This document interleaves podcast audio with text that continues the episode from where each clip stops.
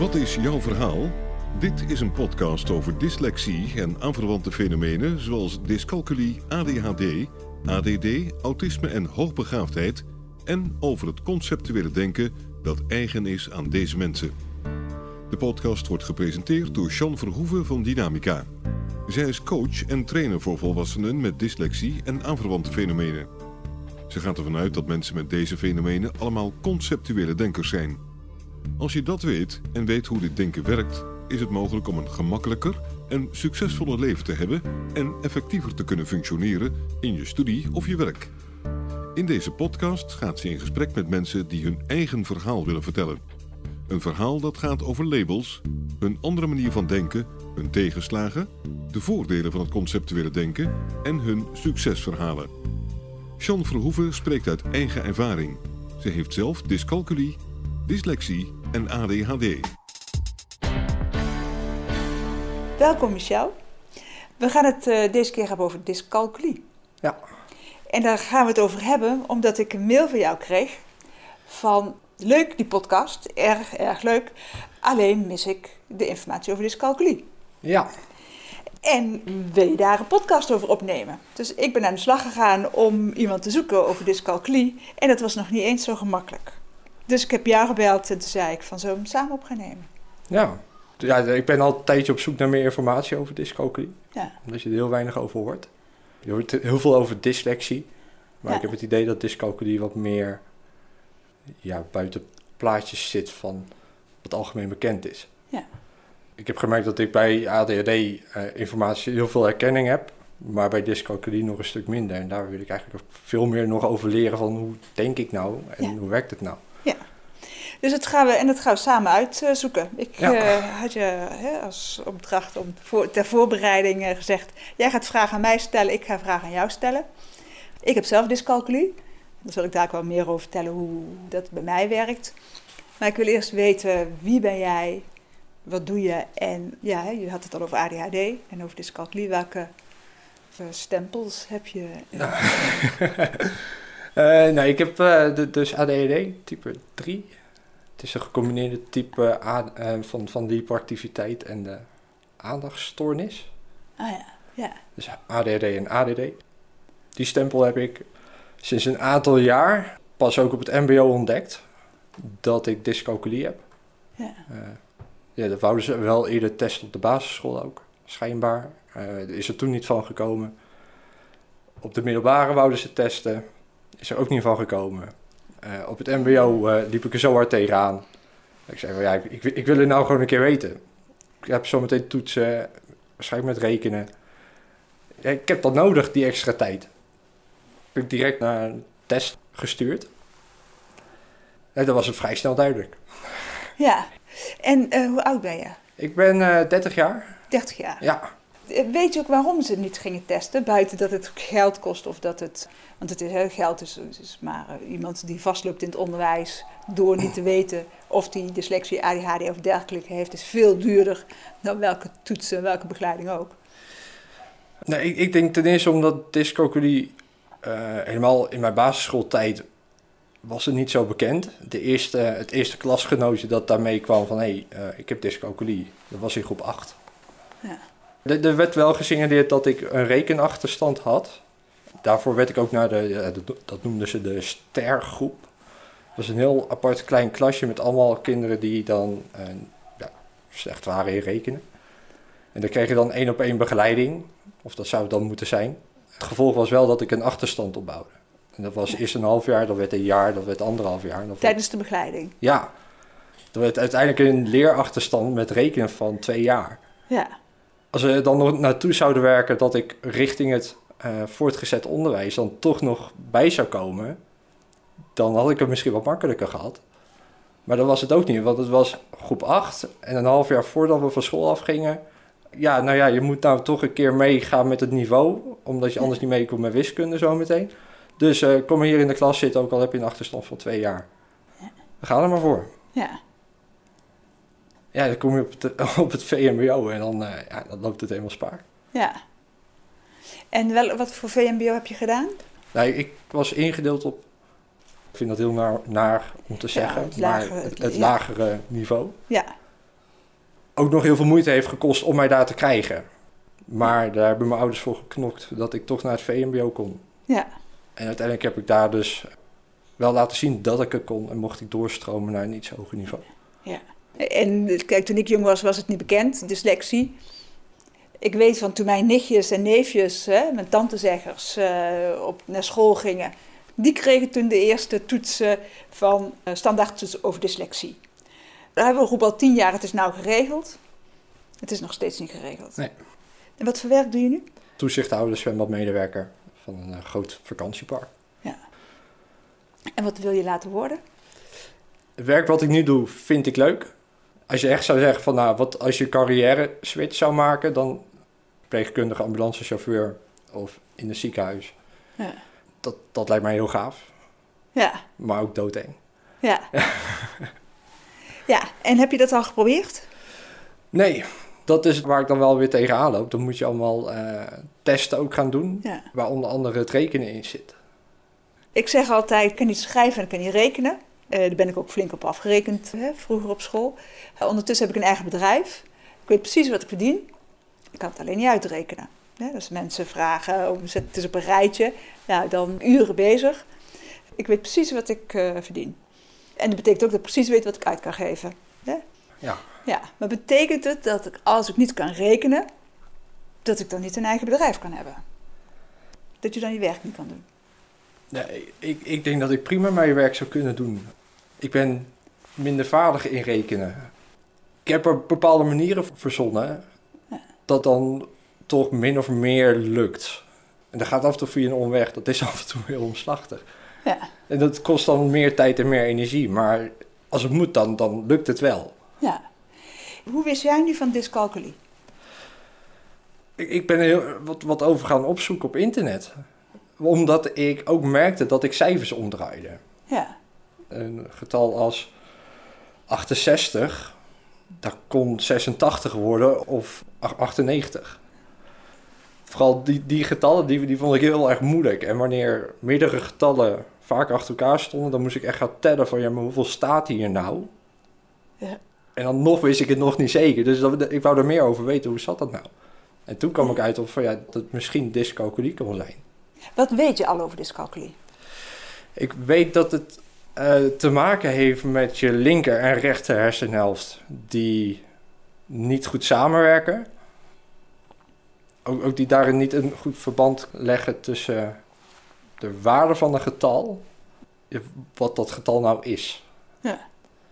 En dat heb, ik- heb ik wel eens in een aantal eh, afleveringen ook gehoord van het beelddenken. Ja. Zodra je dat getal dan, dan beeldend maakt, in, in een soort van grafiek, dan snap ik wat dat getal is.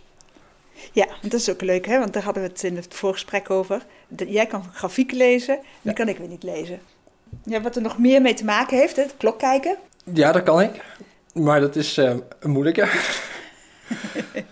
de, de wijze klok. Nou, die, die gaat me beter af dan de digitale klok. Ja. Want bij de digitale klok, als er bijvoorbeeld eh 16 uur 30 staat, Ja. een bepaald trucje ooit geleerd, van mijn moeder volgens mij ook, dat ik dan van, van dat getal 12 moest aftrekken.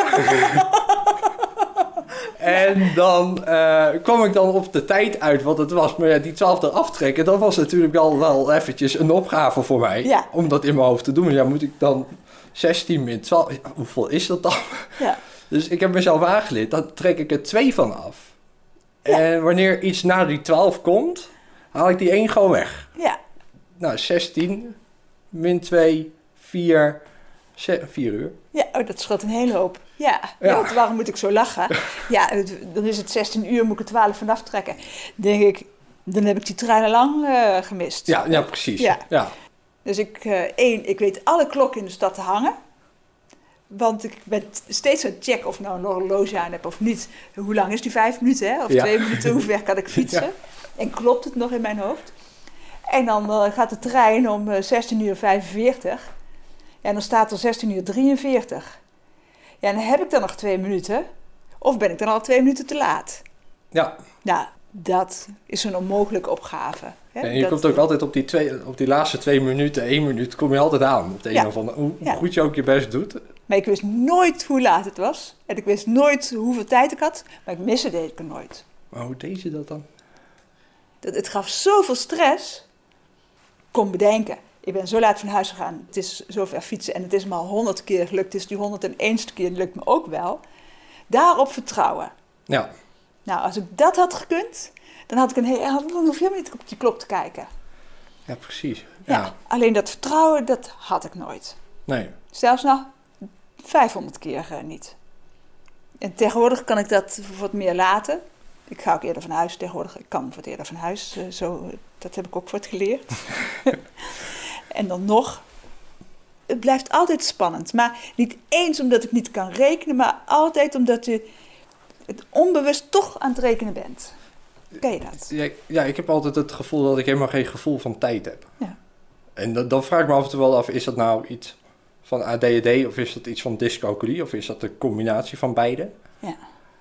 Om, ja, twee minuten, ja, als jij mij nu vraagt of ik twee minuten stil wil zijn, ik heb geen idee hoe lang dat duurt. Nee. Ik, ik weet het echt niet. Nee. En hoe ik heb mezelf heb aangeleerd met, dingen, met op tijd komen, is eh, dat ik bepaalde punten had onderweg. Ja. Van nou ja, als ik nu hier rij voor die tijd, dan zit ik goed. Ja. Maar kom ik eh, later aan dan ik daar zou moeten zijn, dan weet ik dat ik gas moet geven of keihard moet gaan fietsen. Ja. Eh, wil ik op tijd komen. Ja, en dat is wel een mooi wat je zegt, hè? Twee minuten.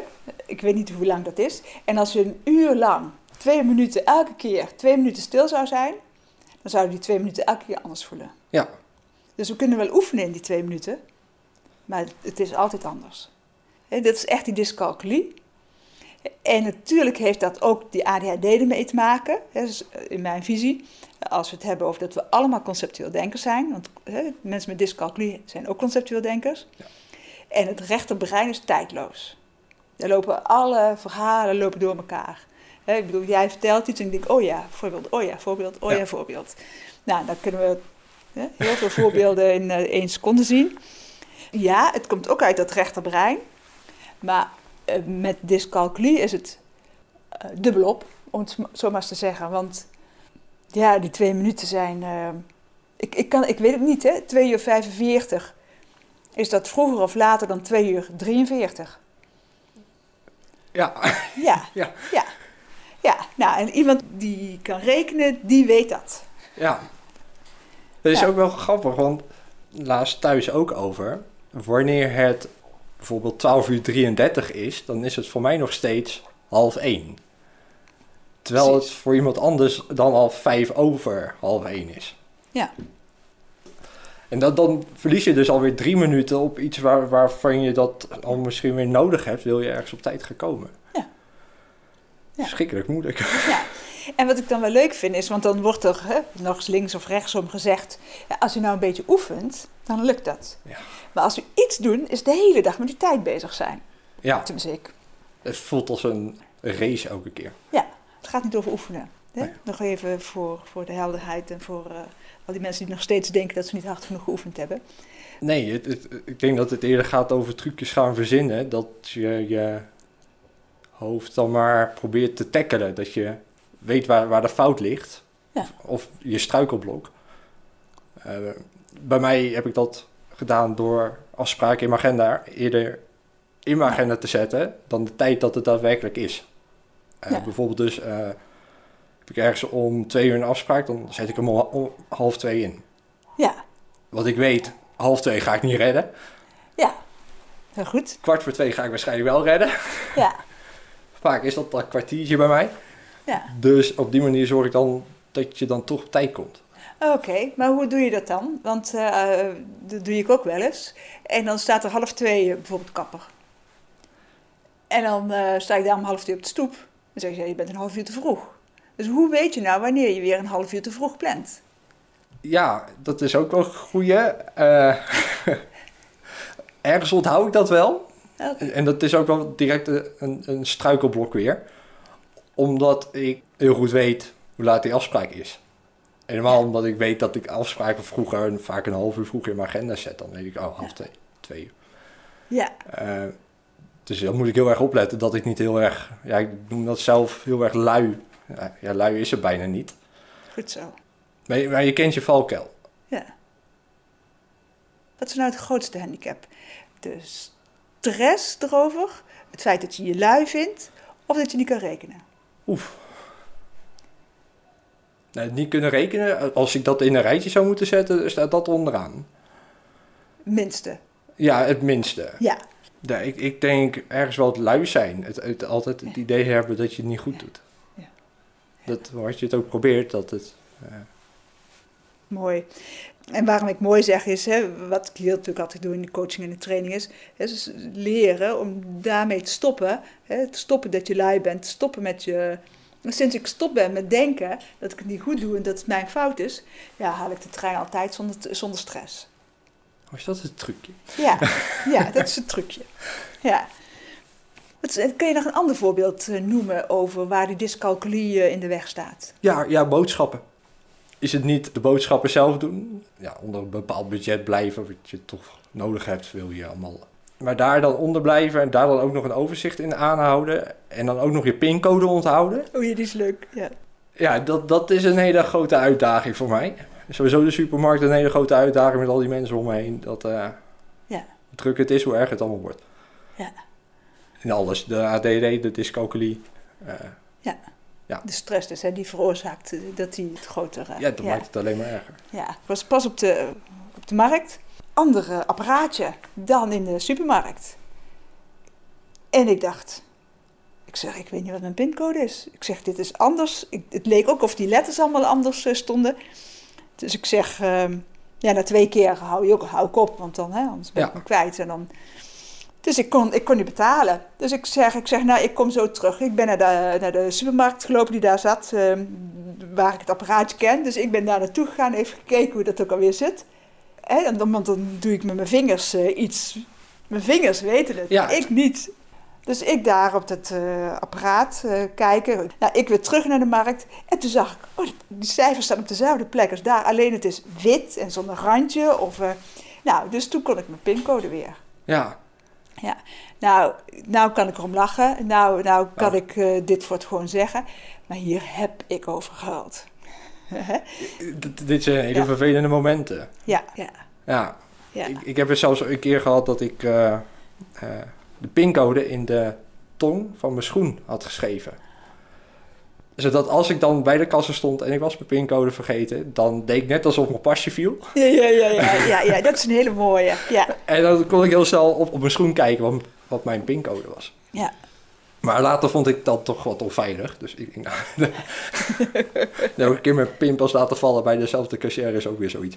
Ja, ja, ja. Ja, Oh, ik heb ADHD. Niet voor je dyscalculie uit te komen, maar wel voor je ADHD. ja, ja precies. Ja, Ja. ja. een beetje, een beetje onhandig zijn. Ja. Ja, de rekentoets, die vind ik ook wel leuk.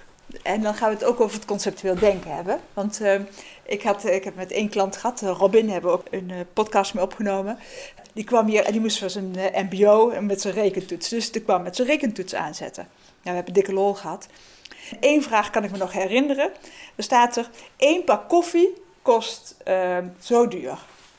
Zoveel moet je dan zeggen. Tien pakken eh, kost zoveel. Wat koop jij? Wat is het voordeligste om te kopen? Wat gebeurt er dan in jouw hoofd bij deze vraag? Het wordt bij mij één grote berg met informatie en dingen die ik dan moet overdenken en moet, zou, zou moeten uitrekenen, maar ergens loopt dat vast. Ja. Ja. Dat, dat is wel een grappig voorbeeld, want dat heb ik thuis ook wel eens gehad. Ja. Dan eh, twee kleine flesjes cola is dan duurder dan één grote fles cola. Maar dan denk ik, ja, maar dan koop ik toch twee flessen, twee flesjes.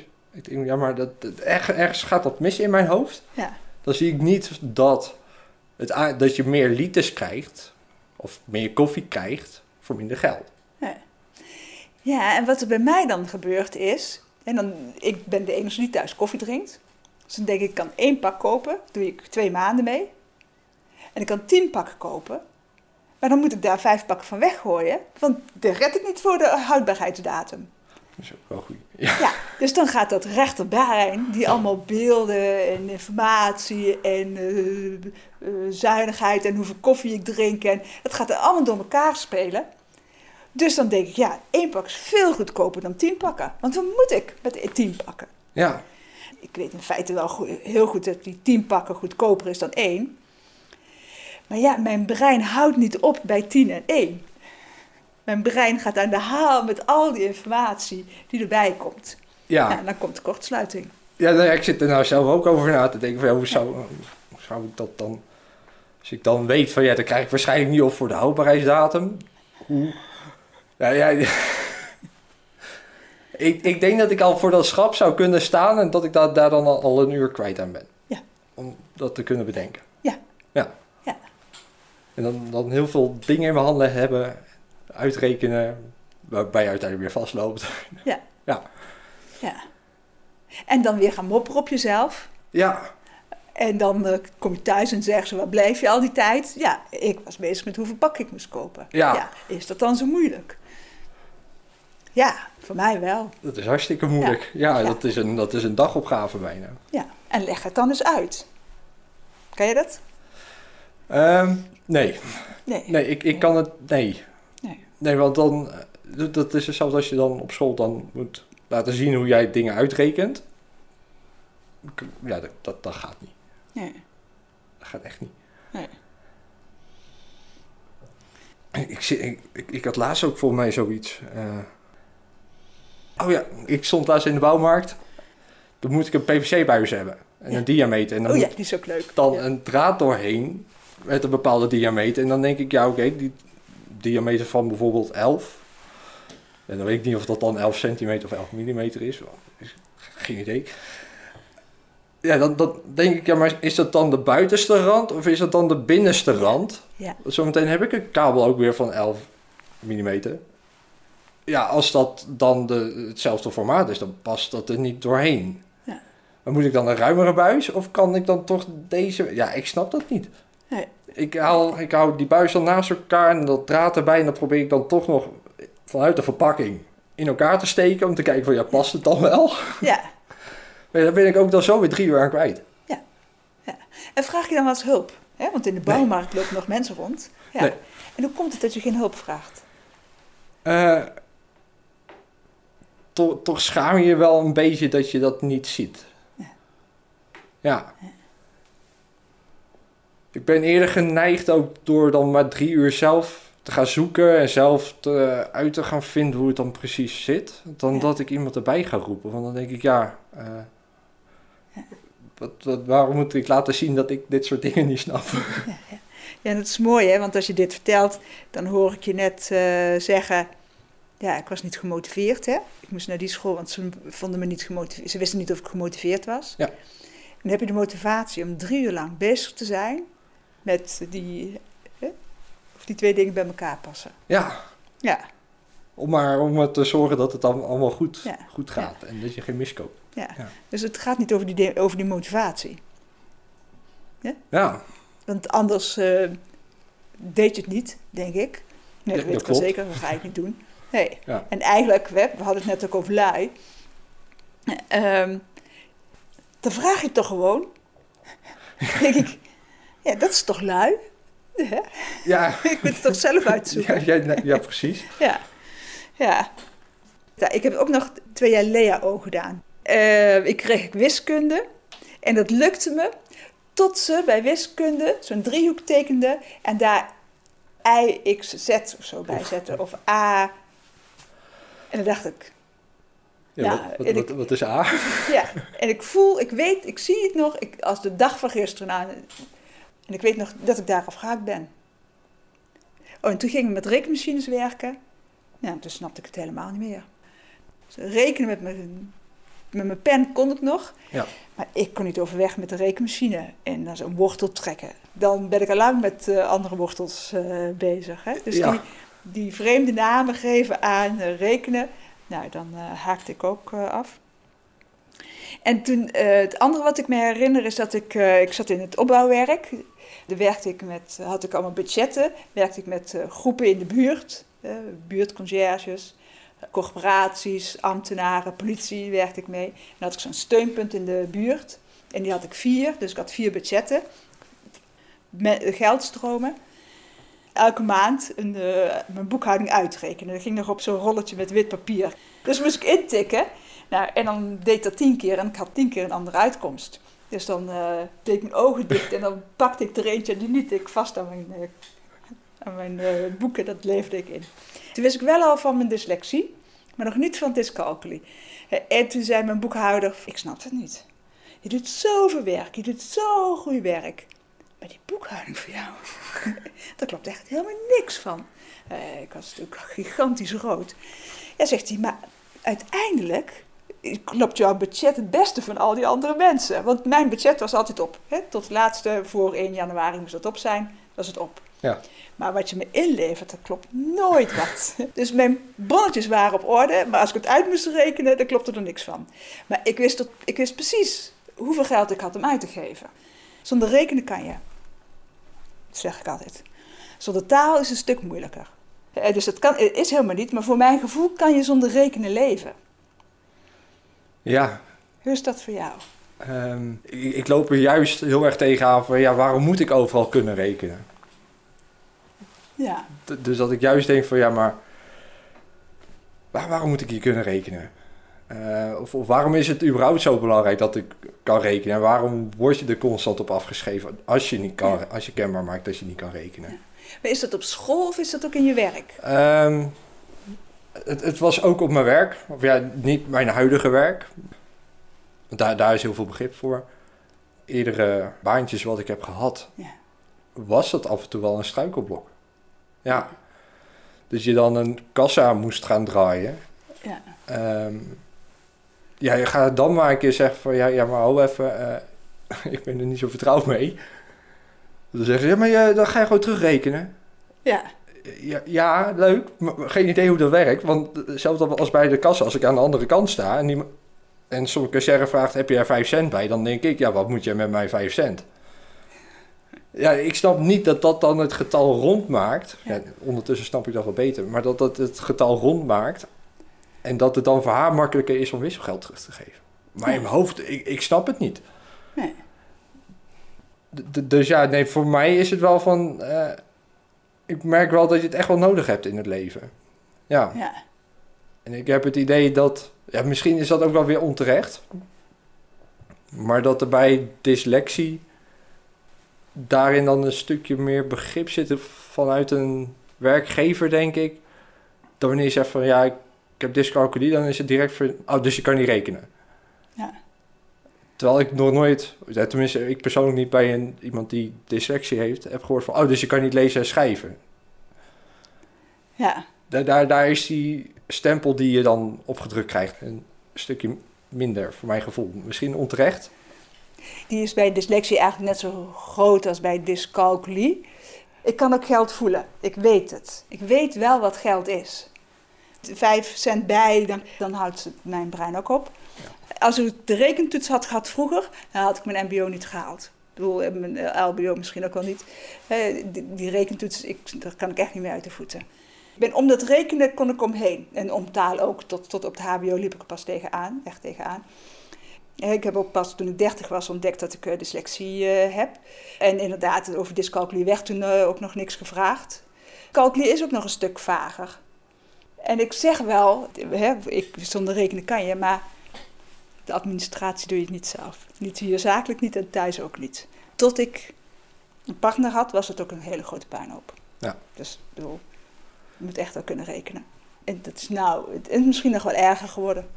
Vroeger had je de huur en... Uh, dat was het. Dat was het. Ja. En nou heb je nee, al die wachtwoorden. Is het dyslexie of is het dyscalculie? Er zitten altijd cijfers in. Ja. En me meerdere getallen ook, ook weer achter elkaar, dat je dus weer moet gaan tellen. Hoeveel tweetjes staan er nou achter elkaar? Ja. Thuis, thuis kan ik wel zelf mijn eigen financiële boekje bijhouden. Ja. Maar dat heb ik dan kunnen tackelen door Excel. Dat vind ik dan weer hartstikke leuk. Al die zelf met elkaar verbinden. Oh ja, ja. En, en daar dan weer allemaal dingen uit gaan rekenen. Dat, dat vind ik geweldig, want dan maak ik het weer ja, inzichtelijk. Ja. Of, Ja. eh, ja, ik, ik hang er allemaal kleuren aan en zo. Het, het wordt voor mij heel beeldend op, op die manier. Ja.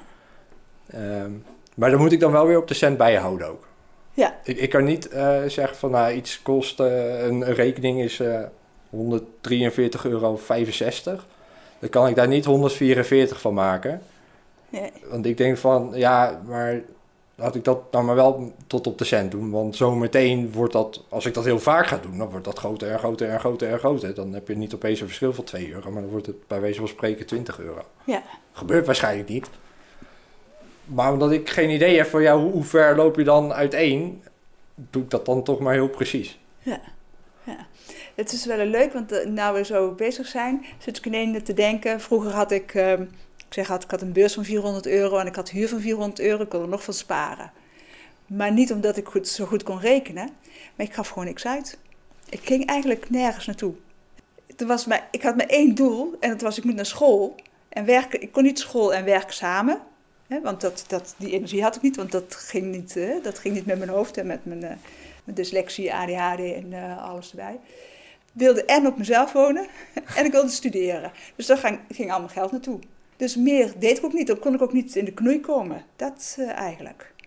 Het valt me vaak ook wel op dat hoe verder je terugkijkt, hoe, hoe beperkender het is geweest in, ja. in, in, je leven af en toe. Ja. Op heel veel gebieden ook. Ja. En ook wel eens hè, van, uh, dat, dat je met, met ADHD, hè, dat je dan uh, vaak dingen koopt hè, die je niet nodig hebt of te snel. Nou ben ik heel zuinig opgegroeid. Ik kom uit, ook uit een gezin, we hadden vroeger niet zoveel. In hoeverre dat die dyscalculie mij ook wel daardoor ook nog iets extra's maakte dat ik heel zuinig ging leven. Zodat ik daarin niet, uh, geen fout kon maken. Ja. ja. Het is wel grappig, want ik, ik ben echt, echt enorm impulsief. Ja. Reken ik wel mijn ADHD aan. Ja. ja. Sinds mijn medicatie gaat dat een stuk beter. En nog steeds dan zie ik wat. Dure gadget. Dat vind ik geweldig. Een slim huis. Ja, ik hou van een smart home, dat soort dingen. Uh, een huis dat, dat, zichzelf regelt. Want in mijn ja. hoofd zorgt dat er ook weer voor dat dat weer dingen uit mijn handen wordt genomen. Waardoor ik dus weer wat meer ruimte heb voor andere dingen. Ja. Maar ja, die dingen die zijn best duur. Nou ja, dan zie ik weer wat en dan denk ik, huppakee, kopen. Ja. Nou de impulsiviteit. Laten we zeggen dat iets 200 euro kost. Ja. Ik heb geen gevoel bij die 200 euro. Nee. Van ja, nou ja, dat ik dat koop, dat betekent vervolgens wel dat ik dan niks meer overhoud, bijvoorbeeld, aan Ja. het einde van de maand. Dat besef, dat heb ik niet. Eh, nu heb ik het opgelost door mijn Excel-bestandje.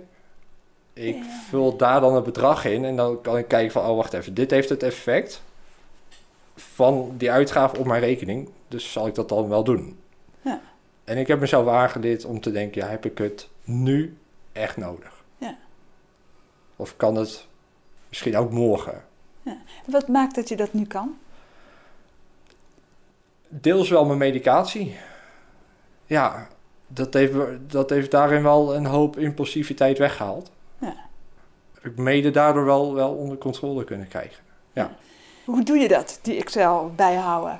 Nou, dat doe ik één, eigenlijk één keer per maand. Nou ja, laten we zeggen twee keer per maand. Rond het moment dat, dat het einde van de maand eraan komt en dat je dan het bedrag op je rekening ziet kimpen. Ik heb ook allemaal waarschuwingen aanstaan op al mijn rekeningnummers die ik heb. Dat Oh, als het onder een bepaald bedrag komt, dan krijg ik een waarschuwing. Dan denk ik wel van, oh wacht even. Misschien moet ik nou even mijn bestandje bijpakken. Ja. Vaak ben ik op dat moment dan ook heel erg onrustig, omdat ik niet weet waar ik aan toe ben. Ja. Omdat ik niet weet of ik rond ga komen. Dat, dat, dan moet ik dat inzichtelijk gaan maken. Dat, op dat moment pak ik dat Excel-bestandje bij. Gooi ik alle bij- en afschrijvingen van de afgelopen weken, gooi ik het allemaal op. Ja. Al in één keer. En dan komt daar onderin komt er een bedrag uitrollen. En dan weet ik van, oké, nou ja, dit, dit hou ik dus over of, of niet over. Ja. Ja, wat een discipline. Ja, mooi. Nee, het heeft vooral met onrust wel te maken. Hoor. Dat, dat, als, als ik daarin heel erg bezig ben met geld, de hele dag door, Ja, dat ik niet weet van, ja, wat heb ik nou en wat is er nou? Is het nou veel wat ik heb? Is het nou niet veel wat ik heb? Dan eh, ja, weet ik ondertussen wel, dat is het moment om even te gaan kijken. ja. En dat doe je dan ook. Kost een paar dagen voordat die stap wordt gezet. Ja, oké. Maar uiteindelijk doe je dat. Ja. Ja. Ja. Ja. Ja. Ja, dat is wel mooi, hè? want, want eh, hè, als we het hebben over dyscalculie, beelddenkers, we zijn allemaal verschillende mensen. Lijndenkers zijn ook allemaal verschillende mensen, hè? om die term- termen nog maar even te gebruiken. De ene persoon met dyscalculie is de andere niet. Hè? Dus jij houdt van grafieken, hè? je Ja. met grafieken. Ik kan helemaal niet uit de voeten met eh, grafieken, dat, eh, dat zegt me helemaal niks. Hè? Maar ik zie dan weer, of ik voel geld, hè? ik zie. Als ik dat koop, dan weet ik dat het daar ergens zit. En als het erboven of eronder zit, dan denk ik, hè, er klopt iets niet. Dat kan al Dat verschil zijn in die ja. dyscalculie. En nou ja, als jij onrustig wordt, eh, dan ga je het uitrekenen. En ik stop gewoon met geld uitgeven. Hè? Dan kom ik mijn maand weer door. En dan, Ja. eh, dus het is ook wie je bent, wat je bent en hoe je bent. En daarnaast nog van welke kwaliteiten heb je. En kan je die erop eh, inzetten. Ja, dat, is best grappig, ja. Ja. ja. Wat waren je favoriete vakken? Eh, Heel, heel veel dyslecten hebben moeite met aardrijkskunde geschiedenis. Ja, dat waren mijn favoriete vakken. Bedoel, het gaat niet over lezen, dat gaat over informatie. Dat gaat over, daar heb ik beelden bij, daar heb ik eh, misschien wel fantasieën bij. Dus, dus en van daaruit kan ik dat eh, beter pakken. nou, als het gaat wel over vakken die voor mij heel makkelijk waren, dan was het godsdienst. Vraag me niet waarom. Ja. Mij dat zo makkelijk afging, maar ik kon, bij wijze van spreken, met één keer leren kon ik een 9 of 10 halen. Ja. Ging zonder moeite. Geschiedenis vond ik ook heel makkelijk. Aardrijkskunde ook. Topografie, dat kost al veel meer moeite. Hè? Dus dat was voor mij heel abstract. Ik denk, techniek vond ik wel leuk. Is dan techniek voor jou? Eh, techniek, dat was bij ons op school, was dat eh, eh, van, van die autootjes maken met een propeller erachter. Ja. Handenarbeid, dat vond ik vaak niet leuk. Maar dat was omdat ik daar niet alle taken allemaal heel even leuk vond. Ja. Maar techniek, ja, dat, nee, dat vond ik wel Ja. Leuk. Ja. Ja. Ja, en met techniek heb ik weer helemaal niks. Natuurkunde, hè, dat was voor mij weer een favoriete vak. Natuurkunde, scheikunde. ja, dat snapte ik helemaal niet. Nee. En wat natuurkunde en scheikunde, dat zijn cijfers, zijn combinaties. Nou, als ze daar dus 2 maal 2h, 2o, 3, die snap ik dus wel. Daar raak ik niet in de knoop met, hè, hoezo zetten ze hier nou cijfers neer? Als het over wiskunde gaat, raak ik ermee in de knoop. En bij de natuurkunde, scheikunde niet. Later heb ik ook fysiologie nog gedaan bij de medische basis eh, HBO. Ja, ja, dat hoefde ik ook niet te leren, dat snapte ik gewoon. Bloedwaardes en dat soort dingen.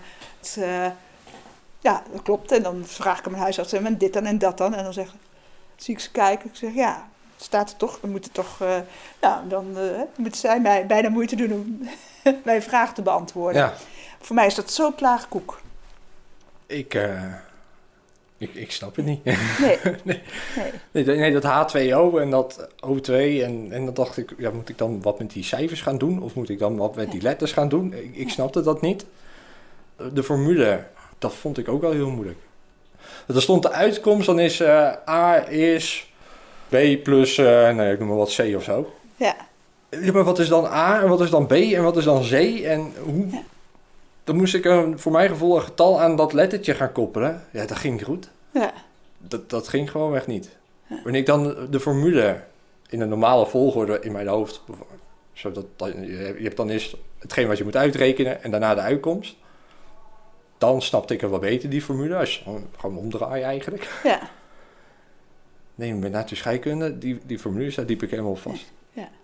Dus ook als we het over dyscalculie hebben, is het zo afhankelijk van waar zitten je kwaliteiten, waar ben je goed in. Hè? Ja. Interesses ook, denk ik. Ja, en dan zeg ik hier altijd in iets geïnteresseerd zijn als je het niet geleerd kan krijgen.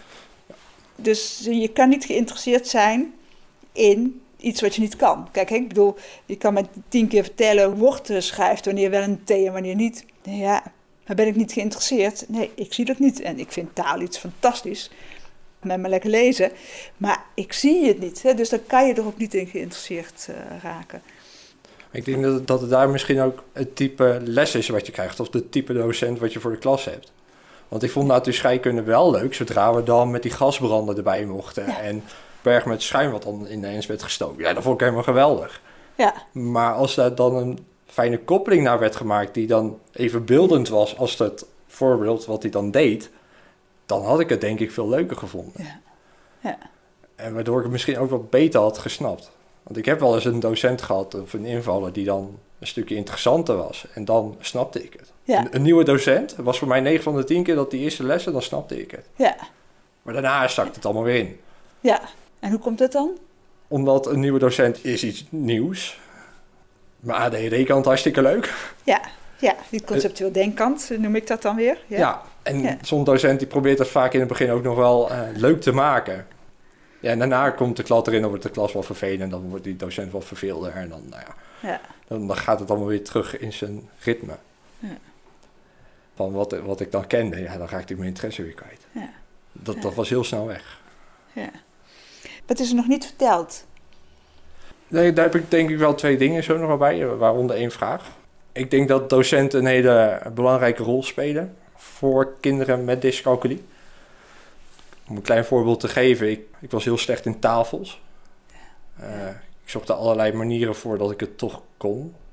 Maar ik moest één keer, dat, dat weet ik nog heel goed, dat was in de periode dat ik dus van die bijlesgroep voor rekenen naar groep 8 moest en daar mee moest doen volledig. 7 keer 7 moest ik uitrekenen. Voor de klas. En ik, ik, ik, ik wist het niet. ik, Ja. ik wist het echt niet. En op dat moment heeft de docent heel groot, bijna vernederend, 7 keer 7 op het bord geschreven. Bijna vernederend? Ja, Helemaal vernederend. ja, ja helemaal vernederend. Ja. Ja. Eh, er waren klasgenoten die zagen me ermee worstelen. Die wisten dat ik er niet goed in was. Ja. En die wouden het dan wel zeggen, maar dat mocht niet. Ja. En die docent is met zijn armen over elkaar. Dat, dat, dat zie ik nog zo voor me. Bij een klein aanrechtblokje is hij gaan staan. Ja. Hij zegt van ja, ik ga niet eerder weg voordat jij zegt van 7 keer 7 is. Ja. Ja, dan weet je het al niet. En dan ga je Ja. ook nog een kind onder druk zetten om dat maar uit te gaan rekenen. Ja, dat is dubbel op. Dat, dat gaat niet goed Ja. vanaf toen durf ik echt wel te zeggen dat ik een hekel heb aan rekenen en aan wiskunde. En überhaupt het vertellen dat ik niet weet wat een uitkomst ergens van is. Ik, ik denk dat dat heel erg belangrijk is voor, voor mensen, voor nou ja, docenten. Ik denk voor, voor iedereen wel. Als je, Ja. als je iemand hebt in je omgeving met dyscalculie, Ja. veroordeel hem niet op dat bij wijze van spreken misschien al 7 keer 1 even te veel is. Om te zeggen wat dat is Ja. Ja.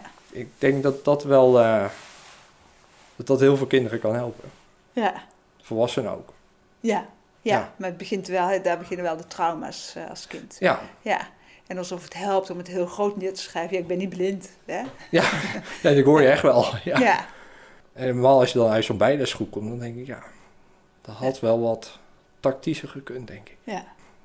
Dat is dan misschien ook wel een mooie aansluiting erop van... Wat ik niet snap, is waarom het de ene keer wel lukt en de andere keer niet. Ja. Ik kan een dag Dat hebben dat ik alles uit kan rekenen. Ja. Alles helder zie. Als ik mijn financiën of een nieuw huis Ja. of weet ik veel. Alles kan ik op papier knallen en dan klopt het allemaal. Twee uur later is het allemaal weg. Nou, die kan ik wel eh, uitleggen. Dat is een hele mooie vraag ook. Dat heeft te maken met stress. Dus als je in de stress zit, wat je letterlijk zegt, als je in de stress zit, nou, dan kan ik een uur nadenken of drie uur nadenken in de winkel. Wat moet ik eh, kopen, wat en wat niet. En stress is al, als je denkt, hoe moet ik dat doen? Dan zit je al in de stress. Dan valt die linker hersenhelft uit. En dat is de taal, maar er zit ook rekenen. Ja. Dus zodra je al tegen jezelf zegt, kan ik het wel? Dan zit je al in de stress. Dus dan wordt rekenen al moeilijker. Van de andere kant heb je een beeld, heb je associaties en heb je visie. Hè? En dat is ook weer bij iedereen eh, anders hoe dat werkt. Dus eh, dan vormt het zich in het hoofd. En dan kan het zijn dat je op een gegeven moment denkt van... Oké, zo moet het. En dan is het helder. Nou, en dan is het helder en dan voel je dat, ruik je dat, proef je dat... en dan ben je ook veel ontspannender. Dus dan kan je dat allemaal heel mooi uitrekenen, neerzetten en doen. En dan is het uit je hoofd en dan is je hoofd gaat weer met andere dingen bezig, nieuwe dingen bezig. Is dat wat twee uur geleden gedaan is, en daar komt ook die tijd vandaan. Ja. Dat lijkt dan wel vier weken geleden. Ja, En dan is die echt tijdloosheid in ons hoofd, die wat net geweest is, voelt als heel lang, omdat er alweer duizend keer zoveel plaatjes geweest zijn, of beelden, of ideeën, of gedachten. En dan kan je dat niet meer terughalen. dan ga ik het gewoon in de verdrukking en dat, dat verdwijnt. En dyscalculie heeft natuurlijk ook net als dyslexie te maken met die automatisering. Ja. Die fijne tafels. Dit gaat over automatisering. Ja, en dan kun je die dag, hè, dan heb je de hele dag of s'avonds zitten oefenen met je moeder, vader. En dan weet je wel wat 7 keer 7 is. En de volgende dag krijg je die vraag, denk je, yes, die vraag krijg ik. En dan komt het antwoord er niet uit. Ja, En dan weet je, ja, dan was het, gisteren kon het wel en vandaag niet meer. Dan is de, dat is de automatisering. Het blijft niet hangen. dat heb ik ook gehad met rijles. Vertel. Ik heb heel veel examen moeten doen. Ja. Omdat ik het, tijdens de les kon ik het. Ja. Zeg maar rijinstructeur ook. Hij zei, vorige week kon je het. Een Ja. dag later ben je, ben je- of ja, een week later ben je het opeens weer kwijt. En dat maakt ook dat er heel snel gezegd wordt, ja, je bent niet ge- georganiseerd, je bent niet geconcentreerd, je let niet op, je doet je best niet. Nee, dat is de automatisering. Toen kon ik het. En nu is een nieuwe situatie, nieuwe dag. Vorige keer kwamen ze van links en nu komen ze van rechts. Is het totaal een nieuwe situatie. Ja. En voor een andere, voor lijndenkers of voor, is het dezelfde situatie maar anders. Nou, voor ons is het totaal een nieuwe, in- eh, nieuwe situatie. Het, er komt bij mij nou heel veel op dat ik denk van, ja, mu- muziek. Ja. Eh, ik heb op muziek gezeten. Ja. Noten lezen, dat... dat. Ik, ik kon niet de waarde van een noot koppelen aan wat het nou betekent. En dat kon je me dan weer vijf keer uitleggen. En dan snapte ik het weer. En dan, daarna was het eh, een week later weer weg. Een muzieknoot is hetzelfde als een letter en hetzelfde als een cijfer. Er zitten, ze hebben een, een symbool bedacht bij iets. En die iets heeft bij mij, die cijfers, die letters, die noten, eh, die zeggen ons niks. Ja. En er zijn mensen die dat aan elkaar koppelen, maar dat zijn voor ons verschillende dingen. Een muzieknoot hadden ze net zo goed ABC kunnen noemen. Ja, ja dat is en het alfabet noot kunnen geven. Ja. Hè? Dat is, iemand heeft bedacht, zo ziet het eruit. In mijn hoofd zit er geen connectie. Ja. En dan kreeg ik altijd weer te horen van, ja, je hebt niet geoefend. Maar ja, ik vond oefenen ook helemaal niet meer leuk, want ik, ja, ik zag het niet meer. Ja. Ja. Ja. Dus, en dan wordt het ook moeilijk om die motivatie bij te houden. Als je het tien keer doet en het geeft geen vordering, ja, dan kun je wel leuk zeggen, iedereen kan het. Ja, maar wat moet je daarvoor inleveren? Ja.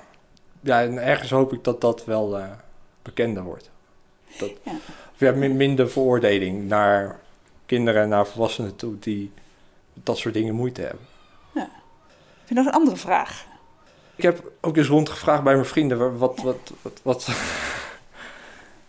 hebben, hebben jullie ergens vragen over? En ik kreeg bij eh één iemand wel de vraag van, ja, beïnvloedt je ADD en je dyscalculie ook je persoonlijke relaties met mensen en vrienden?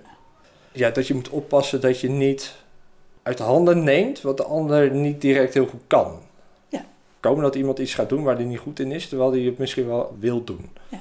Tegelijkertijd dat stukje onbegrip ook. Van ja, maar waarom snapte je het gisteren wel en vandaag niet? Ja. En waarom heb je nu totale paniek over die cijfers en dan je dat net niet? Ja. Twee minuten geleden.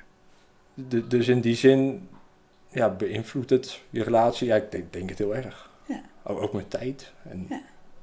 Ja, die tijd, hè, hoe vaak Ja. ik hier niet hoor. Die ruzies, hè, partners, of, of prik je af twee uur gaan we. En dan ben je om twee uur niet klaar. Misschien moet je niet zeggen hoe laat iets begint tegen mij, maar vertel hoe laat je eigenlijk wil dat ik hier aanwezig ben. Ja, ja, die is ook leuk. ja, ja.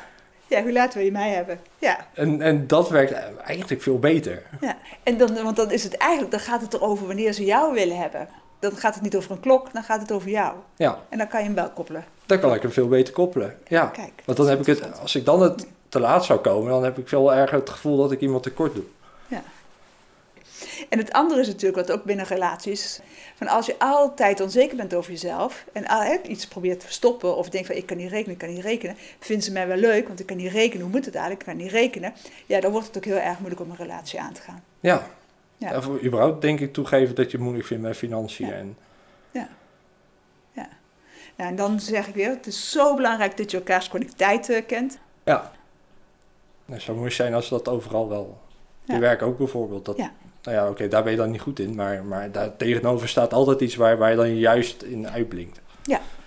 En dat je daar hè, van op de hoogte bent en dat je dat eh, kan, eh, kan inzetten, kan ruilen, kan, eh, hè, laat mij de koffie zetten, dan doe jij de notulen. Hè? Ja. Of ik doe de notulen, werk jij ze uit en dan doe ik dit voor jou. Of dan, ja.